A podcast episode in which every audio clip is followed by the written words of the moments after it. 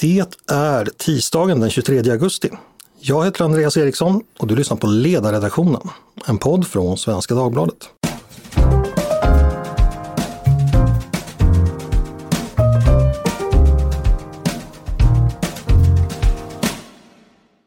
Välkomna! Sverigedemokraterna är som ni alla vet en del av det borgerliga regeringsunderlaget numera. Därför har vi på Svenska Dagbladets ledarredaktion gjort en liten specialserie poddar under valåret där vi tittar närmare på Sverigedemokraternas politik på ett antal områden. Vad vill partiet? Vad prioriterar man? Vad kan bli viktigast i en eventuell förhandling efter valet? Och idag har vi kommit fram till en fråga som väljarna länge rankat som en av de allra viktigaste, nämligen invandring och migration. Så därför säger jag välkommen till Ludvig Aspling, migrationspolitisk talesperson för SD. Tack så mycket, tack så mycket. Eh, ja, kanske ska börja med att du kanske inte är den mest eh, kända sverigedemokratiska företrädaren. Eh, du blev migrationspolitisk talesperson så sent som, som förra året. Eh, bara kort, vem är du? Vad har du för bakgrund politiskt? Eh, jag heter Ludvig. Jag har en bakgrund i partiet naturligtvis. Jag har varit eh, aktiv medlem sedan 2012 ungefär. Eh, jag har varit invald i Sveriges riksdag sedan 2018. Och eh, som de flesta andra som är engagerade i vårt parti så har jag ett intresse för de här frågorna och tycker att det är viktiga saker. Eh, så det är väl det som är min, min ingång här. Mm. Men det måste ändå anses vara en ganska tung position att få en så viktig fråga för, för partiet så att säga. Ja, alltså tekniskt sett så brukar vi säga att den som egentligen är talesperson i de här frågorna, det är vår partiordförande. Mm. Och det är för att det här är ju fortfarande lite av vår profilfråga. Så att politikutvecklingen och så, det, det har partiordföranden och, och, hans stab då ett väldigt stort ansvar för. Men sen har vi också en person som sköter eh, det löpande arbetet i riksdagen och, och, den delen av det hela. Mm. Och det är då jag. Mm. Och ska man fråga någonting om partiets politik så som det ser ut just nu, då är väl du rätt person att fråga också antar jag? Det hoppas jag. Ja, vad bra. Det är därför du är här nämligen. Eh, vi kan väl börja med att i, i, eh, ja, jag slår helt enkelt fast att både i praktik och eh, retorik har övriga partier närmat sig eh, Sverigedemokraternas restriktiva syn på invandring. Hur stort avstånd skulle du säga kvarstår mellan er och resten av partierna? Ja, om jag får putta lite tillbaka där så håller jag nog inte med om att de har ändrats i praktik. Om man pratar om praktik, då pratar vi liksom politikens kött och potatis. Mm. Då vill vi se lagstiftning på plats. Okay. Eh, I retoriken så har det ju svängt om däremot. Mm. Det har du ju helt rätt i. Men eh, om det här handlar om ett eh, röstfiske eller om det handlar om en, en verklig förståelse för att det behövs grundläggande reformer på det här området, det, det återstår att se. Eh, det får vi se naturligtvis efter valet. Okej, men så partierna är så att det är läpparnas bekännelse av vad som uppfattas som en attraktiv invandringspolitik men i själva verket har man inte ändrat sig på när det väl kommer till kritan. Så förstår jag rätt? Jag, säger så här, jag, jag utgår ifrån att det är en läpparnas bekännelse tills vi ser någonting konkret på plats. Mm. Okej, vi får se. Vi ska borra lite djupare i detta. Eh, för när man läser ert valmanifest och väldigt mycket annat ni, ni skriver och säger så är det tydligt att ni fortfarande anser att invandringen är för hög. Och att den här stora omsvängningen som det pratades om eh, hösten 2015, eh, den var inte så stor som det ibland görs gällande. Förstår jag? Börja med det. Är det en korrekt tolkning av? Ja, mm. absolut. absolut. Eh, och okay, om vi går in på, på vad var det som hur mycket var det som ändrades någonting överhuvudtaget 2015? Eller vad, eller hur, och hur, vilken betydelse hade det? Ja, det gjorde det ju. Det var den här tillfälliga lagen som man pratade om mycket då.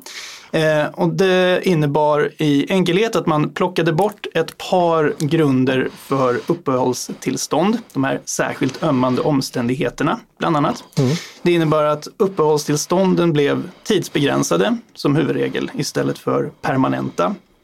Och det innebar också att man tog bort eh, väldigt mycket av undantagen från eh, reglerna om försörjningskrav för anhöriginvandring.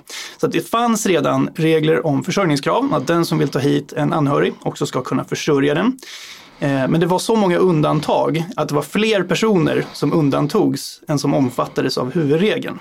Och det här gjorde man om då så att fler omfattades av den här huvudregeln om försörjningskrav. Det var egentligen det enda. Eh, men om man ska prata om en riktig europeisk miniminivå eller vara så restriktiv som man, som man kan bli inom det europeiska regelverket så finns det en väldigt, väldigt massa andra saker man kan göra. Så det här, förlåt jag avbryter men, men det här med att Sverige gjorde ett eh, stor omsvängning 2015, det är lite lite av en, vad ska man kalla det, myt då enligt dig? Ja, det är det absolut. Och framförallt om man tänker på vad är det som gör att människor dras till Sverige? Alltså varför är det så att så väldigt många människor vill söka asyl här jämfört med närliggande länder? De omständigheterna, det har ju att göra med välfärdssystemet naturligtvis, eh, framför allt. De har ju legat oförändrade. Eh, och nu ser vi ju det som har hänt sedan eh, förra året, eh, när man gjorde om de här reglerna igen. Så har vi sett att vi har gått tillbaka till en ordning nu som är mer generös i vissa aspekter än den som var innan 2015. Men i praktiken har det väl ändå påverkat söktrycket när det gäller asylsökande. Vi hade 80 000 2014, vi hade 160 000 2015. Därefter har vi ju legat på 20-25 000 per år, så det, det, någon effekt har det väl ändå haft? Ja, man måste se skillnad på korrelation och kausalsamband här. Eh, Migrationsverket har ju sagt själva i en av sina årsredovisningar åtminstone att det förändrade söktrycket beror nästan uteslutande på alltså det som händer utanför Europa och det som händer vid Europas yttre gräns. Framförallt Turkietavtalet, EUs arbete med att stoppa migrationsströmmar, inre utlänningskontroller eller inre gränskontroller, alltså inom unionen och sen till slut då pandemin. Mm. Så det har varit en hel del annat som har påverkat det här söktrycket. Eh, och det, jag är ganska säker på att de här förändringarna som vi gjorde påverkade nog det här på marginalen som mest. Men även Sveriges andel av EUs totala eh, asylsökande har ju minskat. Det var ju som mest 12 procent tror jag 2014. Ja. Nu är det ungefär 2 procent eller något sånt där. Så att det kan inte bara vara EUs yttre gräns som spelar roll. Även Sverige måste väl ha blivit mindre attraktivt relativt sett övriga länder. Eller ja. det, det, kan väl vara en förklaring till att Sverige har minskat så mycket relativt sett? Det skulle kunna vara en delförklaring. Det skulle kunna också vara så att vi har väldigt mycket gränskontroller inom Europa. Eh, inflödet till Europa ligger ju liksom i andra änden av kontinenten och att det helt enkelt har varit knepigare att ta sig hela mm. vägen upp hit. Okej. Okay. Vi ska gå vidare och titta lite mer eh, praktiskt på invandringen. Eh, ni, den består ju av väldigt mycket olika delar. Det är kanske inte alla som har koll på alla delar men vi ska försöka reda ut det så gott det går. Jag tänkte börja med, med eh, första halvåret 2022 så har då nästan 100 000 människor fått uppehållstillstånd i Sverige. Man kan ju alltså invandra då av andra skäl också. Man, är man svensk så behöver man inte uppehållstillstånd förstås, men, men det är väl en mindre intressant så att säga. Det är väl uppehållstillstånd vi kan utgå ifrån. Om vi ska gå igenom den här gruppen, den absolut största gruppen av de här 100 000, eller 97 000 egentligen, eh, det är de som har kommit hit via det som kallas massflyktsdirektivet. Eh, det är ukrainare, det är ungefär 40 000. Om vi börjar med den gruppen. Eh, skulle de få komma hit? Är det rätt att de är här? Eh, borde den gruppen bli större eller mindre? Ja, vi sätter inget tak och vi har inte heller som mål liksom, att minska eller öka det här, utan det får bero på hur situationen utvecklar sig i, i Ukraina. Vi hoppas ju naturligtvis att vi får se en positiv utveckling och att fler väljer att och återvända. Men mm. så länge som läget är svårt där så ska vi ta emot de här personerna såklart.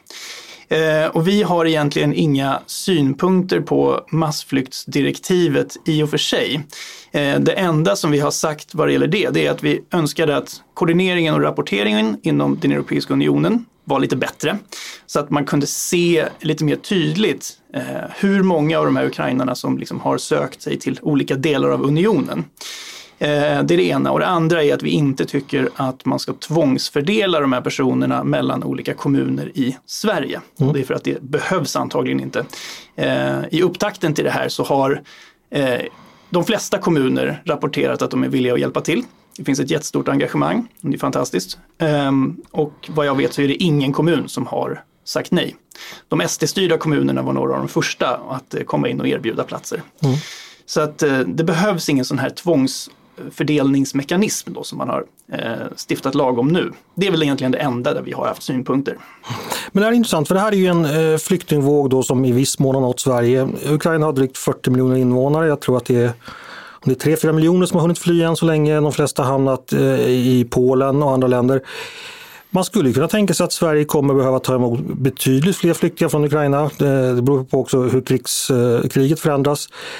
Är Sverigedemokraterna ser ni framför er att sätta en gräns någon gång ifall det blir 160 000 ukrainare precis som det blev 160 000 asylsökande år 2015?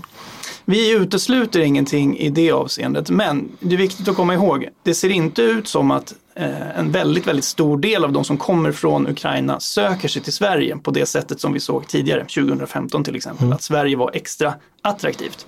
Det verkar inte vara så den här gången. Eh, så det finns i dagsläget ingen anledning att riktigt befara att det kommer att komma så pass många på så kort tid till mm. Sverige. Sen kan det ju ske, alltså det kan ju gå riktigt illa eh, i Ukraina. Då kommer fler ta sig till EU och fler ta sig till Sverige. Och då får vi se vad vi gör när vi kommer till den bron så att säga. Men vi eh, har inte sagt någonting om det än så länge. Nej. För då tänker man ju så att eh, 2015 flydde ju människor från ett krig i Syrien till Europa och då var SD väldigt kritisk mot att Sverige blev ett så populärt land och att vi tog emot så många.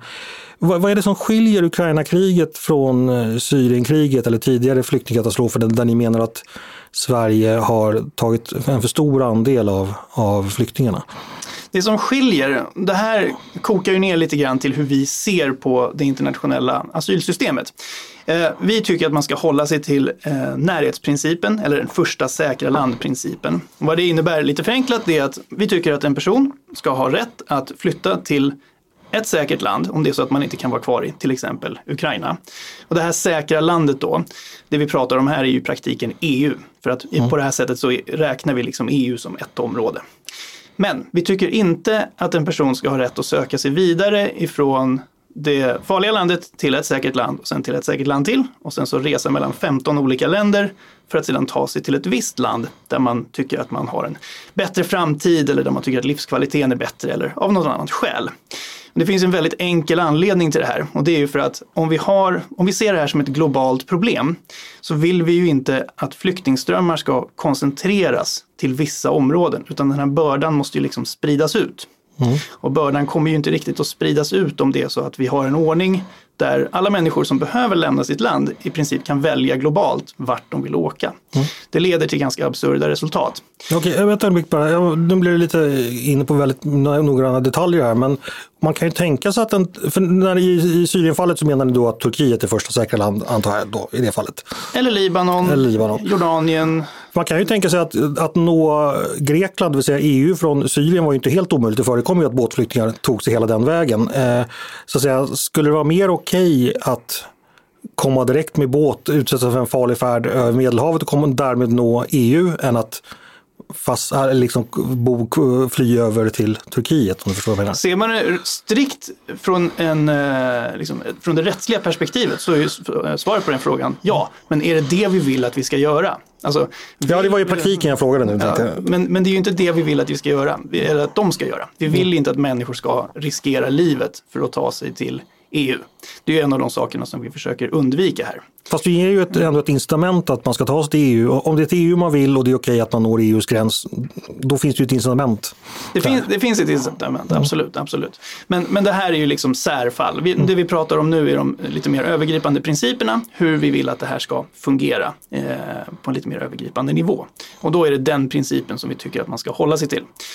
Konsekvensen av det här, det är ju att ukrainare eh, ska ha rätt att ta sig in i EU. Ukrainare var ju redan innan eh, massflyktsdirektivet eh, viseringsfria i EU, det vill säga de hade en rätt att resa in i unionen och stanna i eh, 90 dagar. Det här är ju en del av ett samarbetsavtal som, eh, som stammar från långt tidigare, som tecknades 2016 tror jag. Ehm, Konsekvensen av det här blir ju att ukrainarna har en rätt att resa in i EU och också välja vilket land som de vill åka till. Och det tycker vi är en ordning som är helt okej. Okay. Mm. Men eh, jag förstår att du tänker på systemnivå nu, men om man tänker för svensk del, ifall flyktinginvandring eh, orsakar så stora problem när den blir för hög till Sverige, eh, orsakar då inte, eller skulle inte då ukrainsk flyktinginvandring också orsaka motsvarande problem om den blir tillräckligt stor? Det återstår att se. Alltså, vi har inte haft flyktinginvandring ifrån ett land som liknar Ukraina på väldigt, väldigt länge. Det bor ju väldigt många människor eh, med bakgrund i Polen i Sverige. 140 000 tror jag till och med att det är. Ehm, men de har ju inte kommit som liksom krigsflyktingar utan det har väl varit någon slags planerad invandring. Ehm, vi vet inte hur det här kommer sluta. Vi hoppas ju naturligtvis att de här personerna eh, kommer att antingen återvända till ett säkert Ukraina eller klara sig bra i Sverige eller något annat EU-land. Men det är för tidigt att säga vilka konsekvenser som det här kommer få. Ehm, men det är viktigt att komma ihåg här, när vi pratar om konsekvenser, då är det ju naturligtvis det viktigaste att stoppa så att säga den invandring där vi vet att konsekvenserna kan vara väldigt, väldigt knepiga. framförallt asylinvandringen ifrån Mellanöstern, Nordafrika, Centralasien. Där vet vi att det orsakar väldigt mycket problem och då måste vi göra någonting åt det. Här å andra sidan så vet vi att de här ukrainarna har ett ganska starkt case för en rättighet att komma in i EU. Och då måste vi liksom låta dem komma hit. Det är en, en helt annan situation. Jo, men jag förstår att det kan skilja sig i case, men samtidigt i praktiken så skulle man ju kunna tänka sig att invandring, om man då kommer från Ukraina eller från Syrien eller från Afghanistan, att man potentiellt eh, man kommer utan att kunna svenska språket, man kommer kanske inte med så mycket pengar, man kanske har svårt att ta sig in på arbetsmarknaden, det finns kulturella skillnader. Alltså allting det som brukar anföras mot invandring skulle väl egentligen kunna vara tillämpligt på Ukraina också, även fast du säger att vi inte Ja, vi har inget facit där då, men det skulle väl potentiellt kunna orsaka motsvarande problem. Sen har vi andra omständigheter som att över 80 procent är kvinnor och barn. Ukraina, du kan inte jämföra Ukraina med Afghanistan man pratar om utbildningsnivå och hur, liksom, hur landet fungerar. Man kan inte jämföra det kulturellt heller. Eh, vi vet att de allra flesta ukrainarna vill åka tillbaka till sitt hemland. De har en väldigt stark nationalism där. Eh, vi vet att invandrare från andra områden gärna inte vill åka tillbaka utan de är här för att bosätta sig permanent. Så att det finns väldigt, väldigt mycket som skiljer. Men som sagt, vi vet inte exakt hur det kommer att sluta. Vi kanske kan prata om det igen om några år, vi får se. Mm. Eh, en tanke, har du någon känsla för var era väljare befinner sig här? För att eh, man söker sig, eller jag, antar, jag utgår från att man söker sig till Sverigedemokraterna för att man har varit emot invandring. Och nu kommer det plötsligt en invandring här som ni säger att ah, den är nog inte så farlig. Vi får se om några år, men vi kan släppa in ganska många så länge. Eh, era väljare med er här tror du? Ja, det har en väldigt bra bild av det här. Jag har ju kontakt med både väljare och företrädare ute i landet och jag skulle säga att uppslutningen kring den här linjen är eh, rätt så kompakt. Men jag måste rätta dig på, på en punkt där. Alltså, Sverigedemokraterna är inte bara emot invandring, det är, att säga, det är att göra det lite för enkelt för sig. Utan det vi är för, det är hjälp i närområdet. Det är det som är vårt alternativ till den här öppna dörren-politiken som vi har och som vi har haft. Alltså, det är ju det som våra både väljare och företrädare skriver upp på. Att de tycker också att hjälp i närområdet är en vettig princip att hålla sig till. Nu råkar vi vara närområdet och en konsekvens då blir att vi också ska ha ett mottagande mm. här.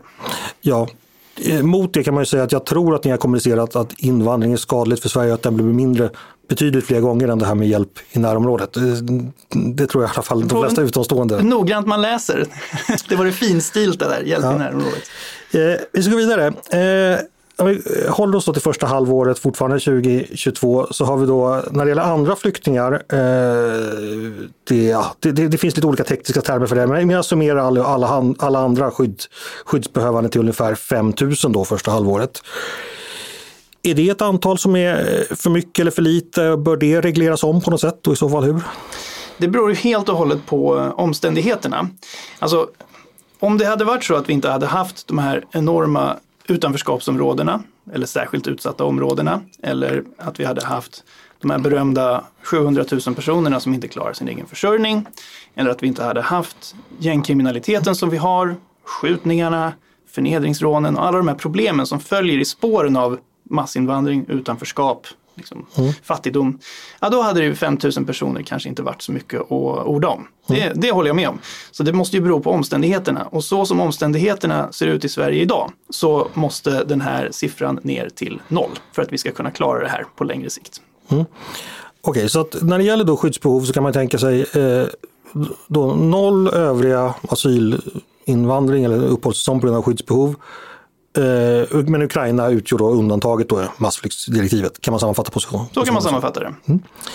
Eh, och gå vidare till, till en annan eh, stor grupp numera. Det gäller ju de som kommer och jobbar, arbetsmarknad. Och då finns det dels eh, eh man kan vara arbetstagare, man kan ja, några egenföretagare. En del kommer som anhöriga också, för man får ta med sina anhöriga. De summerar hittills i år till ungefär 26 000. Eh, den gruppen, ska den öka eller minska och i så fall varför? Den ska minska, men det beror ju naturligtvis på omständigheterna. Eh, det är ju så här att arbets, eh, alltså, den gruppen, arbetskraftsinvandrare, den ser ut lite grann som en urglasfigur. Det är väldigt mycket jobb på toppen. Nu pratar vi ingenjörer, testledare, utvecklare, alltså högspecialiserad personal som kommer till Sverige. Väldigt många jobbar inom IT-sektorn. Mm. Och sen har vi också väldigt mycket jobb på botten. Och eh, då pratar vi inte moraliskt utan bara vad som krävs för att kunna göra jobbet. Och det är liksom snabbmatspersonal eller personer som jobbar med skogsplantering eller bärplockning. Eh, personlig service, hemtjänst och sådana saker. Städ. Eh, det som vi vill göra är helt enkelt att plocka bort de jobben som är på botten. Därför att vi har väldigt, väldigt många personer i Sverige som inte klarar sin egen försörjning. De här jobben behövs ganska desperat för att hjälpa och integrera de invandrare som redan är här. Medan vi naturligtvis vill ha kvar de jobben som är på toppen. Därför där, de fyller ju liksom en lucka på arbetsmarknaden. Och vad det gäller den delen som är på toppen där, där kan man ju också verkligen prata om att det finns en, en vinst. Alltså den här invandringen innebär ju en vinst på riktigt. Men av de här 26 000, hur, hur många är det som ska bort ungefär? Mellan tummen och Ja, frånpekfingret? alltså vi behöver inte gå in på några eh, liksom mer precisa siffror. Nej, så. behöver inte precis, men den, alltså det, ska den halveras arbetskraftsinvandringen eller ska den ner till en tredjedel? Bara så det ger mig tum liksom. Ja, vi skulle kunna säga så här. Eh, jag tycker inte att vi har egentligen något större behov av eh, bärplockare och plantörer till exempel. Det borde vi kunna lösa själva här i Sverige. Det är 5 500 personer och det är januari till december 2021. Eh, vad det gäller till exempel snabbmatspersonal, 786 personer. Jag tror inte att vi behöver importera snabbmatspersonal ifrån Indien eller Pakistan. Vi har gott om personer som skulle kunna klara att göra det. Städ, hemtjänstservice, lite drygt 600 personer. De behöver vi nog inte heller. Kockar och kallskänkor. Vissa kockar kanske behövs, vissa inte. Det beror på hur pass högkvalificerad man är. Här har du 400 personer till. Så att eh, det beror lite grann på. Alltså, vad det handlar om för oss, det är att man ska tillföra kompetens. Man ska konkurrera med sin kompetens, men man ska inte konkurrera med en låg lön på ett område där vi redan har stor arbetslöshet. Okej, men då, då är jag fräck nog och uh, summerar ungefär ditt till att av de här 26 000 så är det 13 000 ungefär som du kan tänka dig skulle komma. Ja, vi ska säga så här att eh, när Migrationsverket redovisar det här, så att det jag gav dig nu, det var de största kategorierna. Sen finns det en total som heter övrigt och jag har inte gått in så djupt och börjat gräva i den här övrigt för att se vad som gömmer sig där bakom. Så att eh, du får ta det där för vad det är. Ja, men jag sätter 13 000 i alla fall, eh, halvering ungefär. Eh, så har vi nästa relativt stora grupp som handlar om anknytning. Eh, det kan ju vara allting från adoption, som numera inte är så jättemånga, eh, till att man är anhörig. Eh, att, man har, att man helt enkelt gifter sig med någon som, eh, som kommer utifrån och sådär. Ungefär 13 000 personer första halvåret. Eh, är det mycket, lite eller bör man inte göra någonting åt det? Vad tänker ni? Det är, nog, det är nog ganska mycket. Alltså de här eh, kraven som vi har haft tidigare på självförsörjning, eh, att man ska ha en bostad i tillräckligt stor eh, storlek och, och kvalitet och så vidare. De har luckrats upp. Det finns många undantag från de här kraven och det innebär att många personer kommer som anhöriga till Sverige och liksom kliver direkt in i, eh, tyvärr, en ganska jobbig situation. Relativ fattigdom eller fattigdom, arbetslöshet, man kanske har dålig kontakt med det svenska samhället redan från början. Och det här är inte bra. Alltså, det här är eh, en typ av liksom, invandring som fyller på de problem som vi redan har. Eh, till exempel så finns det inget krav på att man ska ha en bostad som ligger utanför de här utanförskapsområdena eller områden med socioekonomiska utmaningar som man kallar det ibland eller de särskilt utsatta områdena. Vilket vi tycker skulle vara rimligt. Eh, sen eftersom det inte går att få ut i statistiken exakt hur den här siffran skulle förändras med de förslag som vi har. Vi har 21 väldigt konkreta förslag vad det gäller anhöriginvandringen. Eh, det går inte att säga exakt hur det skulle påverkas, men det skulle antagligen bli mindre än det är idag. För att eh, av den här gruppen på 13 000 så är det bara 2600 som är flyktingar, asyl, alltså där ursprungspersonen så att säga har en flyktingasylbakgrund. Och det har ju ofta beskrivits som att det så att säga är en potentiellt sämre, eller vad ska man säga, mer negativ form av invandring för då kommer flyktingar hit och så kommer ytterligare människor av samma så att säga, utbildningsnivå eller kulturella avstånd eller något sånt där. Men den gruppen är ju inte så stor. Ja, det där är nog lite av en förenkling. Där anknytningspersonen har uppehållstillstånd eh, på grund av eh, asylskäl. Då, mm. de pratar om. Men det är ju också så att vissa av de här personerna har kommit som flyktingar och sen har de varit här fem år, plockat ut ett uppehållstillstånd eller ett medborgarskap och sedan ansökt om återförening. Jag tror att det, att det ligger till på det sättet. Okay. Att det finns flera av de som är medborgare i de här siffrorna också har flyktingbakgrund. För medborgarskapet får man ganska snabbt i Sverige. Så kan det vara. Men det är i alla fall 2600 som har då uppehållstillstånd på grund av skyddsskäl. Kan du ge mig en siffra på de här 13 000 första halvåret skulle förändras? Eller vad, vad vore önskvärt att landa på för nivå där? Nej, jag kan inte ge dig en siffra. Det enda vi kan göra är att presentera våra förslag. Som sagt, vi har 21 väldigt konkreta förslag på det här området. Jag kan säga att siffran skulle bli mindre. Jag skulle gissa på att den blir avsevärt mindre, men jag är inte beredd att ge dig en siffra. Då är jag så fräck att jag tror att avsevärt mindre betyder att eh, 13 000 förvandlas till 5 000. Eh, och så har vi ytterligare grupp då som handlar om studenter. Ungefär 10 000 människor har kommit hit eh, för att studera under första halvåret eh, 2022. Eh, och det är allt då från eh, doktorandstudier till att man är anhörig till eller att man arbetssökande student finns någonting som heter också. Är det någonting som är mycket eller lite eller bör det förändras på något sätt? Nej, vi har egentligen inga eh, synpunkter på de reglerna som gäller studenter. Eh, Studenterna får gärna komma hit. Vi har ju en avgift nu som man betalar för att plugga i Sverige. Om man inte är doktorand och då tillför man ju någonting till universiteten. Så att, eh, det har vi ingenting emot. Eh, jag ska bara vara fräck nog att summera ungefär med mina skattningar då, utifrån vad du säger då att av de 97 000 personer som kom till Sverige första halvåret som i Sverigedemokraternas politik så skulle det komma 68 000 eh, ungefär.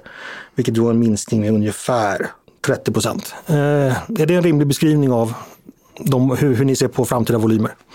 Ja, vi får se. Eh, den här sifferleken är inte jätteintressant på det sättet. Därför att alltså, siffror på det här området. Fast invandring har man väl med volymer att göra? Så Ja, de blir ju siffror Absolut, absolut. Men det här påverkas väldigt, väldigt mycket av vad som händer i vårt närområde. Alltså det påverkas inte enbart av vad vi gör i Sverige. Det som, det som vi vill göra, det är att göra förutsättningarna för Sverige så bra som möjligt. Vi ska ha ett regelverk som är så strikt som möjligt för att se till att vi håller eh, den här typen av invandring så eh, låg som möjligt under en eh, överskådlig framtid. Men exakt vad som händer i omvärlden, det är omöjligt att sia om. Och, eh, så det, är liksom, det är inte riktigt meningsfullt att, att, att leka med siffror på det här sättet, även om jag förstår att det kan vara intressant. Ja, jag tycker det är ganska meningsfullt för att jag, jag har alltid efterlyst att man verkligen ska prata siffror i migrationsdiskussionen. Det var ju det vi under många år inte gjorde och sa att volymer spelar ingen roll och det viktiga är regelverket. Så jag- jag tänkte nästan att Sverigedemokraterna skulle vara intresserade av konkreta siffror men, men så är det alltså inte. Ja, vi är ju extremt intresserade av konkreta siffror när det gäller att utvärdera alltså förslag som antingen vi själva eh, har stått för eller som har kommit från regeringssidan. Så att siffrorna är ju jätteintressanta när det gäller att utvärdera. Vad har det här haft för effekt? Men eftersom de alltså, regelförändringar som vi föreslår de är ganska övergripande. Det gäller ganska många olika regler. Eh, på till exempel asylpolitikens område så har vi ungefär 30 eh, konkreta förslag. Någonting sånt. Anhöriga, där har vi 20 förslag. Vad det gäller eh, ja, alltså arbetet med att få personer som befinner sig här illegalt att återvända så har vi ett stort antal förslag.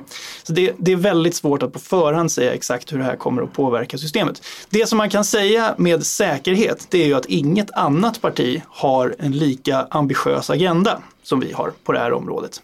Det kan man säga med säkerhet. Så när jag säger då att med Sverigedemokraternas politik så hade det blivit 30 procent färre uppehållstillstånd i år. Eh, du, det är ingenting du köper? Nej, det är det inte. Nej. Okej, eh, då ska vi gå vidare och lämna de här. Eh, för jag förstår lite vad du menar med att sifferexercis kan eh, också eh, dölja. Jag tänkte vi ska flytta oss lite fram i tiden. Det har gått tio år av ett Sverige där Sverigedemokraterna haft inflytande på migrationspolitiken. Hur ser migrationen till Sverige ut då och hur är den reglerad? Om vi börjar med Ja, vi kan ta motsvarande, att asylinvandringen då antar jag fortfarande ska vara ett minimum. Eller kan man tänka sig att om tio år har, har man lättat upp den? Eller hur ser du på det? Nej, tio år är inte tillräckligt. Nej, okej, så den är fortfarande eh, obefintlig. Hur, hur är det med, med arbetsmarknad? Tänker du att man, man, eh, vi fortsätter ligga på där det är högkvalificerad arbetskraft som ska komma och inte ett mer då? Mm, om vi ska ta de här hypotetiska exemplen. Om vi antar då att den högkvalificerade delen är ungefär hälften av de som kommer. Så skulle vi nog kanske kunna ligga kvar där. Men det beror ju också på alltså, hur attraktivt Sverige är som eh, arbetsplats.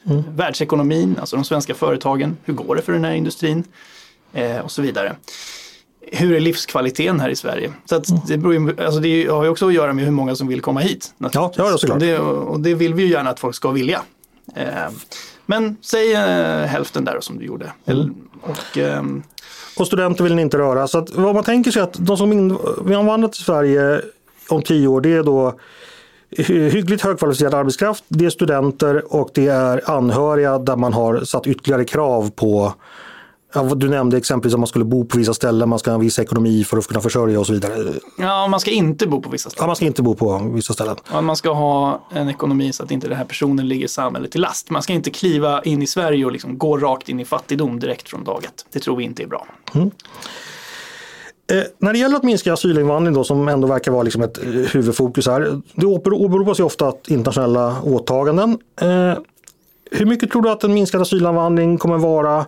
Kommer man behöva frångå sådana åtaganden och avtal och hur mycket handlar det om att så att säga minska pullfaktorerna till Sverige, att Sverige framstår som ett relativt sett mer attraktivt land än alternativen. Vad ser du framför dig där? Först så måste vi nog bena ut lite grann vad vi menar när vi pratar om internationella åtaganden. Mm. Eh, det finns dels någonting som kallas för FNs konvention om flyktingars rättsliga ställning, kallas ibland Genèvekonventionen. Eh, och den är ju Sverige signitär till, vi har skrivit under det här och den innehåller ganska generellt, eh, generellt beskrivna och ganska enkla regler för hur man ska hantera personer som söker asyl. I allt väsentligt så tycker vi att den här eh, konventionen är vettig. Eh, den är inget problem för oss därför att den skapar egentligen inte en skyldighet att ta emot en massa människor från länder som ligger väldigt långt bort, typ Afghanistan eller Syrien eller vad du nu vill ha. Eh, sen ovanpå det så har vi ju EUs regelverk EUs regelverk är ju juridiskt bindande eh, och det innebär att man kan inte göra avsteg ifrån EUs regelverk riktigt på det sättet. Även om det är så att många EU-länder gör det med kommissionens goda vilja till och från. Så att hur man ska se på EUs regelverk är faktiskt lite oklart. Det är nästan en, eh, det är nästan en fråga om allmän rättslära man måste gå in på därför att Eh, det verkar som att vissa medlemsländer har någon slags tillåtelse att strunta i de här reglerna när de känner att det inte passar medan vissa andra länder inte har det. Eh, och sen så ovanpå det då så har vi den svenska utlänningslagen och den kan vi förändra som vi vill i Sveriges riksdag. Så om man summerar det här så skulle jag säga att det viktigaste är att arbeta med de reglerna som vi bestämmer över helt själva. Det är det som är den lägst hängande mm. frukten. Man kan göra otroligt mycket på det här området. Eh, och det skulle förändra Sveriges attraktivitet ganska radikalt om man genomförde de förslag som vi eh, föreslår. Och det kan man göra utan att, som du bedömer det, bryta mot några åtaganden internationellt? Absolut. Mm. Och eh, vad är nästa steg efter det? Eh, om, säg att man gör det, eh, kommer det räcka eller kommer det krävas ytterligare? Det kommer göra stor skillnad. Det mm. kommer det definitivt göra. Ingen tvekan om det. Eh, och vad som händer sen är naturligtvis att man får se hur det går, pausa, utvärdera. Eh, liksom, vad, vad, vad, händer? Det, när man ska ta ställning till konsekvenserna av ett potentiellt lagstiftningsförslag som liksom inte har genomförts Eh, och som inte riktigt har någon motsvarighet i svensk närhistoria. Det är väldigt knepigt. Så att eh, det är svårt att säga vad vi gör efter det. Men om vi bara kommer så långt så tror jag att mycket av arbetet är gjort. Sen, ett, ytterligare en sak som är på lite längre sikt då, det är ju naturligtvis att förändra EUs gemensamma regelverk. Och den viktigaste poängen där, det är ju naturligtvis att vi börjar flytta asylprocessen till tredje länder. Eh, det här är någonting som Danmark har föreslagit, Storbritannien arbetar med det här. Eh, det har funnits olika förslag inom unionen. Man har pratat om landstigningsplattformar till exempel som ett sätt att eh, ta emot och rädda personer som finns i sjönöd utan att ta dem då till Europa. Ehm, det här är någonting som är jätte, jätteviktigt. just för att ta bort det ekonomiska incitamentet och göra de här väldigt, väldigt farliga resorna över Medelhavet. Så det är väl kanske en, en sån här lite mer långsiktig grej som man måste jobba på. Men det, men det är svårt. Lagstiftningsprocessen inom den Europeiska unionen är segdragen. Alltså, man ska komma ihåg, vi har ju hållit på inom EU och bråkat om det här asylpaketet egentligen sedan 2016. Jag vet inte om vi är närmare att komma till någon slags avslut där idag än vi var för tre år sedan. Liksom. Mm. Eh, så det där är lite av en mer långsiktig eh, ambition. Ja, du nämner Danmark. Den är ju uppenbarligen eh, inspirerad av Danmark i många fall. Där har man ju pratat om eh, asylcentra, som termen är då, att man skulle kunna söka sig till det i andra länder. Eh, vad tänker man sig då? Någon form av liksom Ellis Island någonstans på Medelhavet dit alla migranter får ta sig och genomgå någon sorts screening och sen förfaras oss vidare? Eller hur? Nej, Ellis Island var väl för att man var rädda för smittsamma sjukdomar, att man ville isolera människor. Och... Ja, det var ju också för att man skulle skicka hem folk som inte hade tillräckligt med pengar och var sjuka och sånt där. Jo, så. visst, så är det Men absolut, det är inte någonting sånt i frågan om, mm. utan vad det handlar om det är att vi, vi vill naturligtvis att människor som eh, först och främst behöver internationellt skydd ska kunna få internationellt skydd. Mm. Men för att förhindra att det här systemet urartar i, i liksom människosmuggling eller att man sätter det här i system eh, för att liksom sälja resor till människor ute i världen, eh, alltså sälja asylbiljetter och lockar folk att ge sig ut på de här livsfarliga resorna. För att hindra det så måste man ta bort det här ekonomiska incitamentet som finns idag. Mm. Och för att göra det så måste man flytta den här processen till ett tredje land eller till flera tredjeländer. Vad det innebär i praktiken då det är att om det kommer en person med båt över till eh, Lampedusa eller de grekiska öarna kanske, eh, så kommer den personen att flyttas till ett eh, mottagningscenter någonstans på andra sidan Medelhavet kanske. Och sen så kommer man att eh, liksom gå igenom asylansökan. Jaha, behöver du internationellt skydd? Om man behöver det så kommer man att ordna ett mottagande i något av de här säkra länderna som finns i regionen. Men man kommer inte att kunna ta sig till Europa. Eh, och huvudsyftet som sagt är ju att folk ska sluta och ge sig ut på de här livsfarliga resorna. Mm. Men som du säger, det här innebär ju en relativt stor förändrad process som väldigt många länder ska eh, vara överens om, vara beredda att betala för och ställa om. Vilken realism finns det i en sån här plan tror du? Jag tror inte att pengarna är det stora problemet här. Eh, med tanke på vad alltså, asylmottagande kostar i Europa så tror jag nog att pengarna är inte det stora problemet. Europeiska unionen har en väldigt stor budget. Det här skulle ju delvis kunna finansieras genom biståndsmedel dessutom. Mm. Så att pengarna finns nog där. Det är den politiska viljan som är lite mera knepigt. Eh, det som danskarna har gjort, anledningen till att de har kunnat gå före själva, det är ju för att de har ett undantag ifrån eh, det europeiska samarbetet på eh, asylpolitikens område. Samma undantag som Storbritannien hade innan de lämnade unionen. Och det gör ju att de kan genomföra det här. Eh, det är ganska uppenbart att det går bra för dem att genomföra det här själva. Huruvida man kan göra det utan det här undantaget skulle jag säga är en öppen fråga. Eh, det finns regler som talar för, det finns regler som talar emot. Det är inte mm. helt säkert. Men det man ska komma ihåg är att den Europeiska unionens lagstiftning fungerar inte riktigt som svensk lagstiftning. Alltså medlemsländer tillåts att bryta mot den Europeiska unionens lagstiftning med kommissionens goda minne. Om och om igen. Om det är någonting som man känner behövs rent politiskt. Okej, eh, vi ska försöka sy ihop det här. Nu har vi pratat ganska mycket om hur Sverigedemokraternas eh, eh, migrationspolitik skulle kunna se ut både på kort och lång sikt. När du eh, pratar och, och, läser om vad, vad liksom de tänkta samarbetspartierna till höger eh, säger, eh, Moderaterna, Kristdemokraterna och Liberalerna. Eh, hur stor samsyn skulle du säga att det finns om du liksom pratar på ett väldigt generellt, jag förstår att det varierar mellan olika frågor, men om du kan ge ett generellt svar? Ja, absolut. Eh, jag upplever att det finns en ganska stor samsyn. Alltså vi hade ju en gemensam budgetreservation för något år sedan, det minns du säkert. Mm. I den här budgetreservationen så fanns det en skrivning om att den europeiska asyllagstiftningen ska anpassas till den rättsliga miniminivån enligt EU-rätten. Och det här är ungefär det vi vill. Mm. Eh, och det är någonting som både M och KD eh, accepterade. Då? L var inte med på den linjen. Eh, och det här har ju blivit en, lite av en konflikt eh, sedan i efterhand. Eh, det finns ju företrädare för Liberalerna som tycker att det här är dåligt. Sen finns det säkert ett antal företrädare från Liberalerna som tycker att det är bra också, skulle jag gissa. Vi var också överens om att arbetskraftsinvandringen ska begränsas, bland annat genom införande av ett högre lönekrav. Lönekravet idag är väldigt, väldigt lågt. Eh, fler utvisningar och avvisningar ska verkställas och arbetet mot illegal invandring av personer som befinner sig illegalt i Sverige ska prioriteras. Eh, så att det finns definitivt en, liksom en, en, en viss samsyn här, det gör det. Hur skulle en sån samsyn kunna se ut med Socialdemokraterna? Finns den där? Ja, alltså det här är, det här är en intressant fråga. Eh, alltså, Socialdemokraterna är, agerar inte egentligen som ett politiskt parti idag på det sättet. Utan det är mer någon slags eh, förhandlingsinstitut som försöker liksom eh, jämka ihop olika parter för att välja en statsminister. Ungefär det är omöjligt att veta vad de tycker därför att de har ingenting som de inte är beredda att eh, förhandla bort eller bara ge bort för att kunna få statsministerposten vid ett visst tillfälle. Det där var lite tillspetsat. Det finns ja. ju ändå ett partiprogram och det finns kongressbeslut och så vidare. Jag håller med om att de är väldigt flexibla i sin politik. Men, ja. men, men har du någon känsla för, så, men skulle ni kunna sätta er ner om det skulle till, Socialdemokraterna skulle behöva era röster tillräckligt mycket för att komma överens om migrationspolitiken tror du?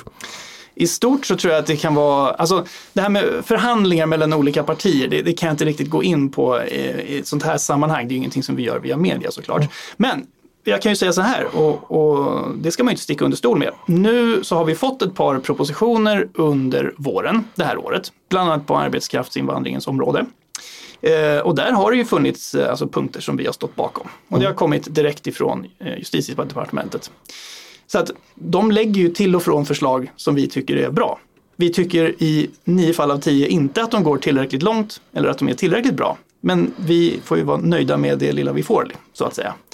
Eh, så att lägger de förslag på bordet på det här området som vi tycker är bra så kan vi inte utesluta att vi röstar för det naturligtvis. Det, du, vi ska byta spår som man ibland gör eh, i migrationssammanhang. Vi ska prata återvandring. Mm. Eh, det är ju ett uttryck som inte har, det är ganska nytt i svensk politik skulle jag säga. Det är väl ni och andra partier som har börjat använda det. Eller återvandring som fenomen är förstås inte någonting nytt, men att man börjar diskutera de politiska formerna för det. Eh, vad kan man säga? Hur, hur, ser politiken ut kring återvandring om det går att beskriva kortfattat? Vad, vad, vad är syftet med en återvandringspolitik och vad har man för mål med det? Det här är egentligen inte särskilt eh, kontroversiellt utan vad det handlar om är att förstärka de insatser som vi redan har. Alltså Sverige har en återvandringspolitik idag. Det är bara det att väldigt, väldigt få människor eh, använder sig av den. Och det talas inte så mycket om den från övriga partier kan man ju säga. Nej, nej och det är för att det, det, kanske inte ses som en, eh, som en prioriterad fråga, vad vet jag. Jag ska inte göra mig till talesperson för någon annan. Men det finns ett återvandringsstöd idag som man kan få om det är så att man väljer att återvända eh, om man känner att man inte riktigt har hittat sin plats i Sverige.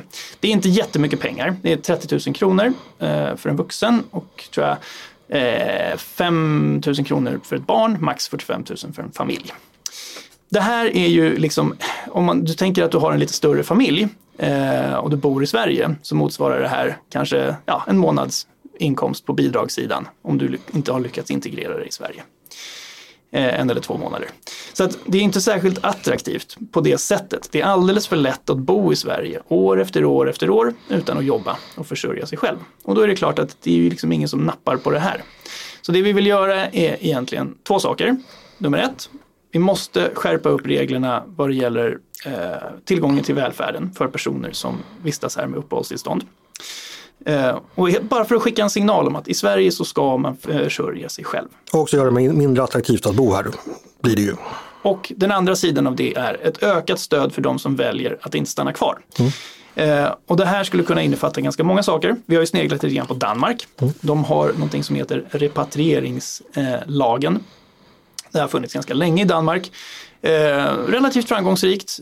Det funkar så att deras eh, lokala myndigheter men även tror jag deras migrationsverk de identifierar personer som kanske skulle vara intresserade och sen så presenteras det här förslaget för dem då att ja, vi skulle kunna hjälpa dig att återvända om det är så att du har bott där väldigt, väldigt länge eh, utan att liksom komma in i samhället. Här är jag lite dåliga kunskaper. Hur mycket pengar handlar det om i Danmark?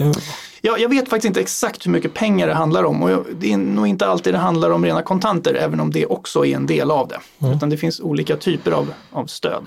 Men det är viktigt att förstå, alltså eh, folk har ibland missuppfattningen om att vi liksom, eh, ska liksom börja kasta ut folk ur Sverige eller att det här är ett sätt för oss att liksom bli av med personer som vi tycker är jobbiga. Eller, ja, med tanke på att ni, ni twittrar ut bilder på tåg som heter återvandringståget som ska stanna i Kabul så kanske den missuppfattningen inte är så konstig. Ja, fine, jag köper det.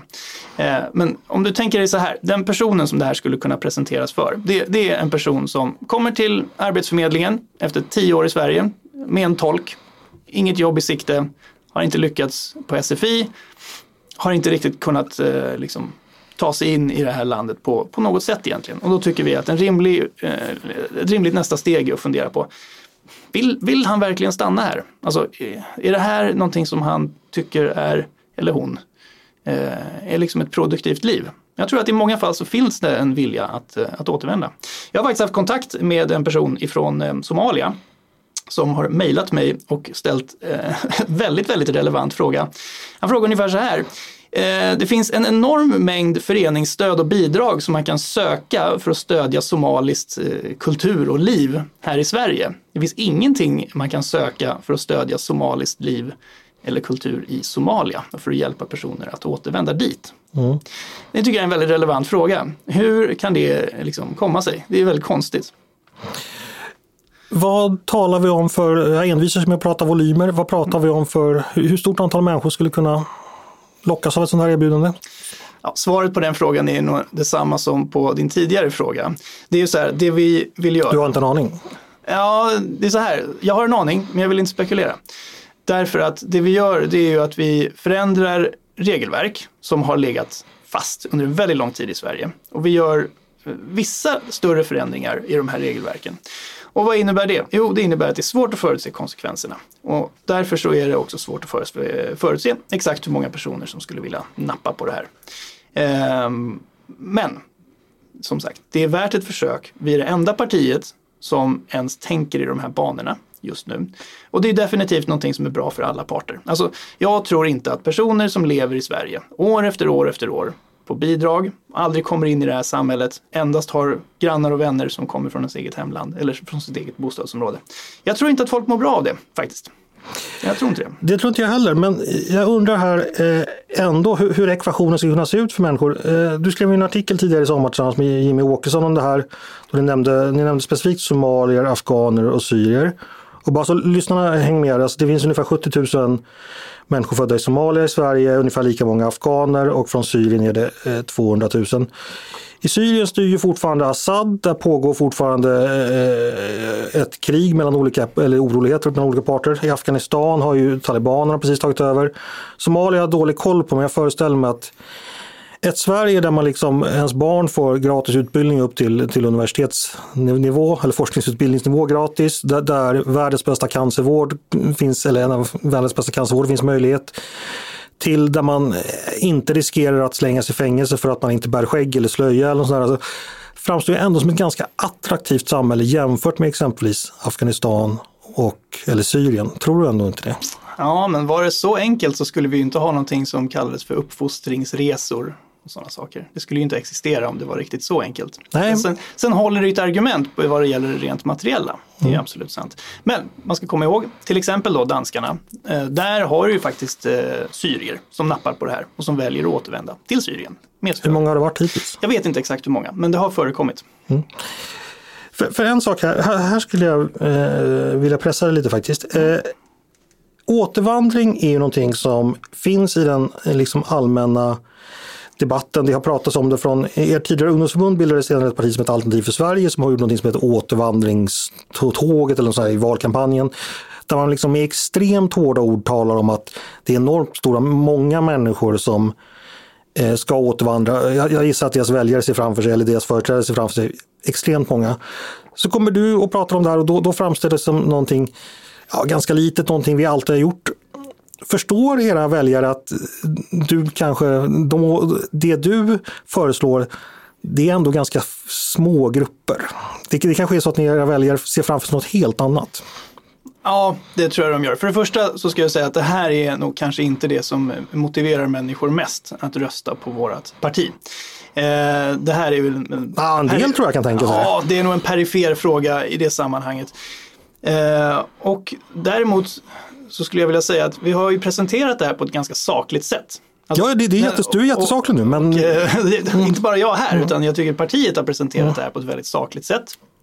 Det har aldrig funnits något tvivel om exakt eh, hur, vad, hur, och vad det är vi vill göra. Mm. Vad är det vi vill uppnå? Och om man då säger att ja, finns det en risk att människor missförstår det här? Ja, Kanske, men jag tror inte det. Jag tror inte att det är ett överhängande problem. Jag tror att de allra flesta är ganska medvetna om vad det är vi vill göra och, eh, och stödjer, den, stödjer den ansatsen. Jag har ingenting som tyder på det motsatta i alla fall. Men eh, du kan inte säga några siffror eller någon volym som skulle kunna tänkas eh, verkligen bli föremål för den här typen av återvandring? Nej. Nej. Eh, samma fråga lite som vi hade tidigare. Eh, övriga borgerliga partier som ni tänkt att samarbeta med, Finns det någon samsyn här kring de här frågorna, tror du? Eller har du märkt av någon? Ja, inte direkt. Det, det är ju så här att riksdagen är ju reaktiv. Alltså de samtal som jag för sker ju endast i, i riksdagen. Mm. Och eh, riksdagen är ju, är ju, reaktiv. Alltså vi behandlar ärenden som kommer ifrån regeringskansliet till allra största del. Eh, alltså regeringskansliet har inte gjort några förändringar på de här eh, reglerna under min tid eller på väldigt, väldigt länge. Och det gör att vi har inte liksom haft anledning egentligen att diskutera det här särskilt ingående. Det har inte varit på agendan. Och det är också så att vi har ju mer så att säga akuta problem om du förstår. Vi har ju haft flera eh, propositioner som har kommit på andra områden när, närliggande områden. Där vi har försökt att prata ihop oss och, och så komma fram till gemensamma reservationer och så. Eh, så att fokus har liksom hamnat någon annanstans. Däremot så har vi ju en del av den här budgeten som vi kom överens om. Eh, och där står det en, en, eh, en rad om att en miljard kronor av biståndsmedel ska öronmärkas för återuppbyggnad av krigshärjade länder för att möjliggöra för människor att återbo och leva i trygga samhällen och bidra till dess tillväxt. Och vi skulle ju gärna naturligtvis se att eh, de här medlen eh, helt eller delvis används då för att hjälpa personer som finns eh, här i Sverige och som inte har liksom funnit sin plats här att eh, återvända. Mm. Dock tycker inte jag det är helt logiskt. Alltså, givet som ni beskriver att invandringen till Sverige har varit så destruktiv och så katastrofal, har man den ingången och då låtsas jag att jag, har, jag håller inte med om det, men eh, jag, jag kan ta den för tanken. Då har då eh, Sverige består av ungefär två miljoner invandrare. Varav ett antal hundratusen då kan, kan sägas komma från liksom kulturellt avlägsna länder. Man har inte kommit in i samhället. Alltså man är en så här, problematisk invandring då, utifrån det perspektivet du vill in och skruva på liksom 5 000 fram och tillbaka liksom, eh, i asylinvandring framåt. Men det kommer väl inte spela så jäkla stor roll när liksom den stora gruppen som är mångdubbelt större redan finns här. Borde det inte finnas incitament att så att säga ge sig på den gruppen också och få dem att återvandra? Är inte det den logiska slutsatsen?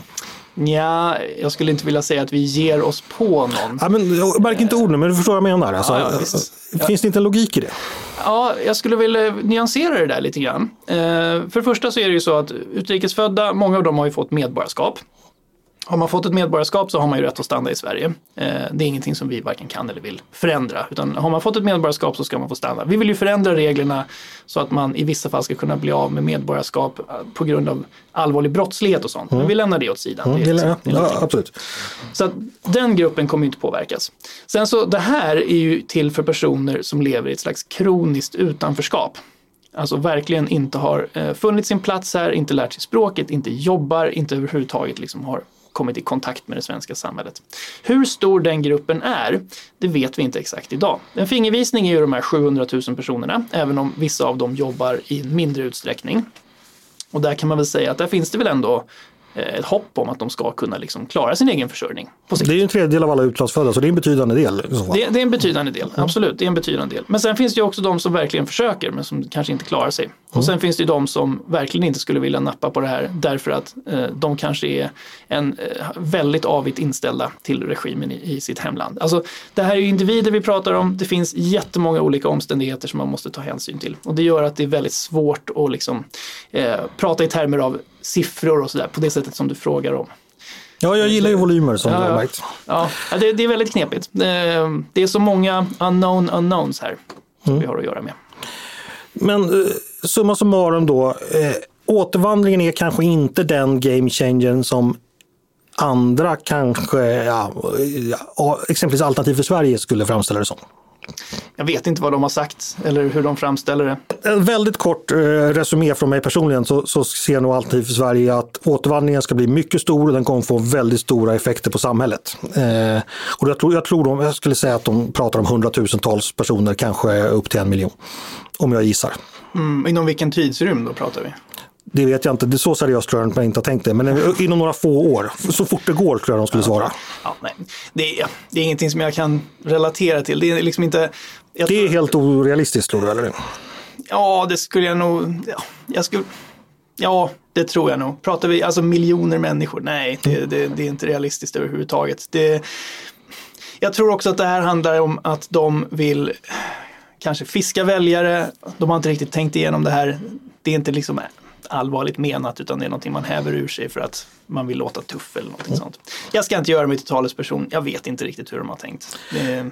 Vi ska gå vidare, eh, några få sakfrågor jag vill ha koll på också. Eh, som du nämnde tidigare, ni har sneglat på, på Socialdemokraterna eller eh, regeringen i Danmark som just nu är socialdemokratisk men där har ju regeringarna oavsett färg haft liknande politik. Finns det några andra länder i Europa som du tycker man kan plocka upp förslag och idéer från? Ja, Storbritannien tycker jag. Ett land som har skött det här ansvarsfullt och som har tänkt efter från mm. början. Eh, Storbritannien har ju ett bra system med gränskontroller eh, utanför sitt eget territorium. Om du ska resa in i kanaltunneln till exempel, du måste ju visa pass då innan du kommer in till Storbritanniens, eh, eh, till själva landet. Det här gjorde ju att det fanns ett migrantläger där vid Calais för ett tag sedan, du kommer ihåg säkert. Eh, så de har skött det här på ett ganska bra sätt. Storbritannien har ju också haft ett eh, asylmottagande. Men de vill ju, om jag får spekulera lite här, så vill ju de väldigt gärna att asylmottagandet ska ske helt och hållet på deras premisser. Det vill säga, eh, de vill ha alltså, överföringar direkt ifrån där man nu ska komma ifrån och de vill välja eh, själva vem som kommer. Ungefär som kvotflyktingar då, fast de har ett eget program för det där.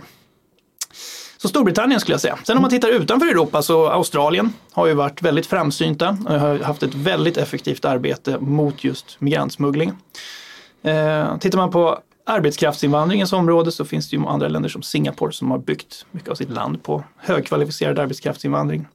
Jag tycker att Japans modell för arbetskraftsinvandring är också ganska intressant. Kanske inte för ett svenskt, alltså våra omständigheter, det är ett väldigt annorlunda land. Eh, men, eh, men de har tänkt till i alla fall. Det som man kan säga om de här länderna det är att de har analyserat problemet, tänkt till och funderat hur kan vi göra det här på ett bra sätt. Det har vi inte gjort i Sverige. Mm. 2018 vill eh, Sverigedemokraterna göra det till en plikt. Jag antar att det skulle vara obligatoriskt, men skulle vara helt olagligt att, att anmäla om ens granne gömde undan flyktingar. Alltså att man skulle tvingas ange sånt. Är det någonting som gäller fortfarande? Ja, jag är lite osäker på om det var precis så som vi framställde det. Eh, men det är inget, inget förslag som vi driver idag. En annan sak gäller, eh, nu har vi inte pratat jättemycket om, om, om avvisningar, men ni vill ju ta bort, eh, idag finns det något som heter verkställighetshinder och en sån sak kan vara då att de har riskerat tortyr eller dödsstraff. Det vill ni ta bort för vissa eh, dömda brottslingar för grova brott. Eh, jag minns inte exakt vad det var, men hur tänker ni kring det? Ja, inte riktigt. Det funkar så här. Alltså ett verkställighetshinder, det kan vara många olika orsaker som gör att ett tidigare beslut om utvisning ska prövas om. Eh, så verkställighetshinder kan bero på många olika saker. Det som du pratar om nu, det är det som man brukar kalla för en EKMR-barriär. Det vill säga att man kan inte utvisa en person därför att han riskerar dödsstraff, tortyr eller omänsklig behandling i sitt hemland. Då. Det är en lite mer precis situation. Eh, och i det fall som det här gäller väldigt, väldigt grova brottslingar eller personer som till exempel har krigat för Islamiska staten eller gjort sig skyldiga till eh, andra typer av ganska allvarliga gärningar så vill vi gärna kunna verkställa de här utvisningarna ändå.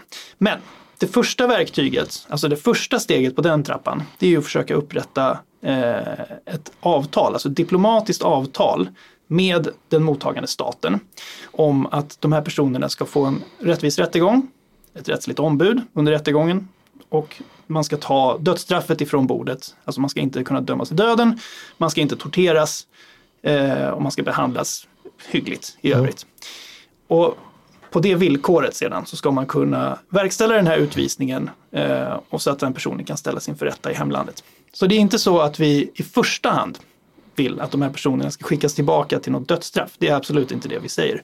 Utan vi vill kunna komma runt den här regeln eller vi vill kunna förändra situationen så att man kan verkställa de här utvisningarna ändå. Och i andra hand? I andra hand, alltså om det här absolut inte går, då har vi sagt att i, i vissa fall så kan det vara motiverat, men det ska vara ganska extrema fall. Och återigen så kan man ge en eloge till eh, Storbritannien i det här fallet, för de har arbetat väldigt effektivt med det här. Storbritannien vann ett eh, case i Europadomstolen för, det här var ganska länge sedan, det hette eh, Abu Qatada mot Storbritannien där de eh, lyckades få till eh, alltså såna här diplomatiska garantier med eh, Jordanien. För han var någon slags terrorist där. Eh, och då kunde de verkställa den här utvisningen då, trots att han antagligen skulle råkat väldigt illa ut om inte de här garantierna hade nått dagen så att säga, eller hade blivit till. Men om det här avtalet och garantierna från den här eh, ja, ganska otäcka staten får man väl anta att det rör sig om. Då... Jordanien är, anses väl inte vara en av de mest otäcka staterna men ja. de är ganska hårdhänta mot sina ja, mot terrorister. Om man ja, jag tänker så om det ändå förekommer tortyr och sånt där. Eh, om inte det är möjligt så det ska ändå finnas en möjlighet att kunna utvisa folk även om de riskerar tortyr och dödsstraff eh, i andra hand så att säga, eller i sista hand. I så fall måste man göra en, någon typ av individuell bedömning av den personen och då kan man inte utesluta det. Men det är absolut någonting som man i det längsta vill undvika. Och man ska ju komma ihåg att den här modellen med att försöka ta fram ett diplomatisk, en diplomatisk garanti eh, det borde inte vara omöjligt i många fall. Vi har ett ganska nära samarbete med många av de här länderna. Och så ska man komma ihåg så här, Socialdemokraterna utvisade två egyptier direkt till ett tortyrfängelse i Egypten direkt i strid med de här reglerna också. Så men, men Socialdemokraterna är ju varken några moraliska rättesnören varken för mig eller dig tror jag. Men jag vill bara säga att det är inte bara vi som brottas med det här moraliska problemet. Det finns andra som också gör det.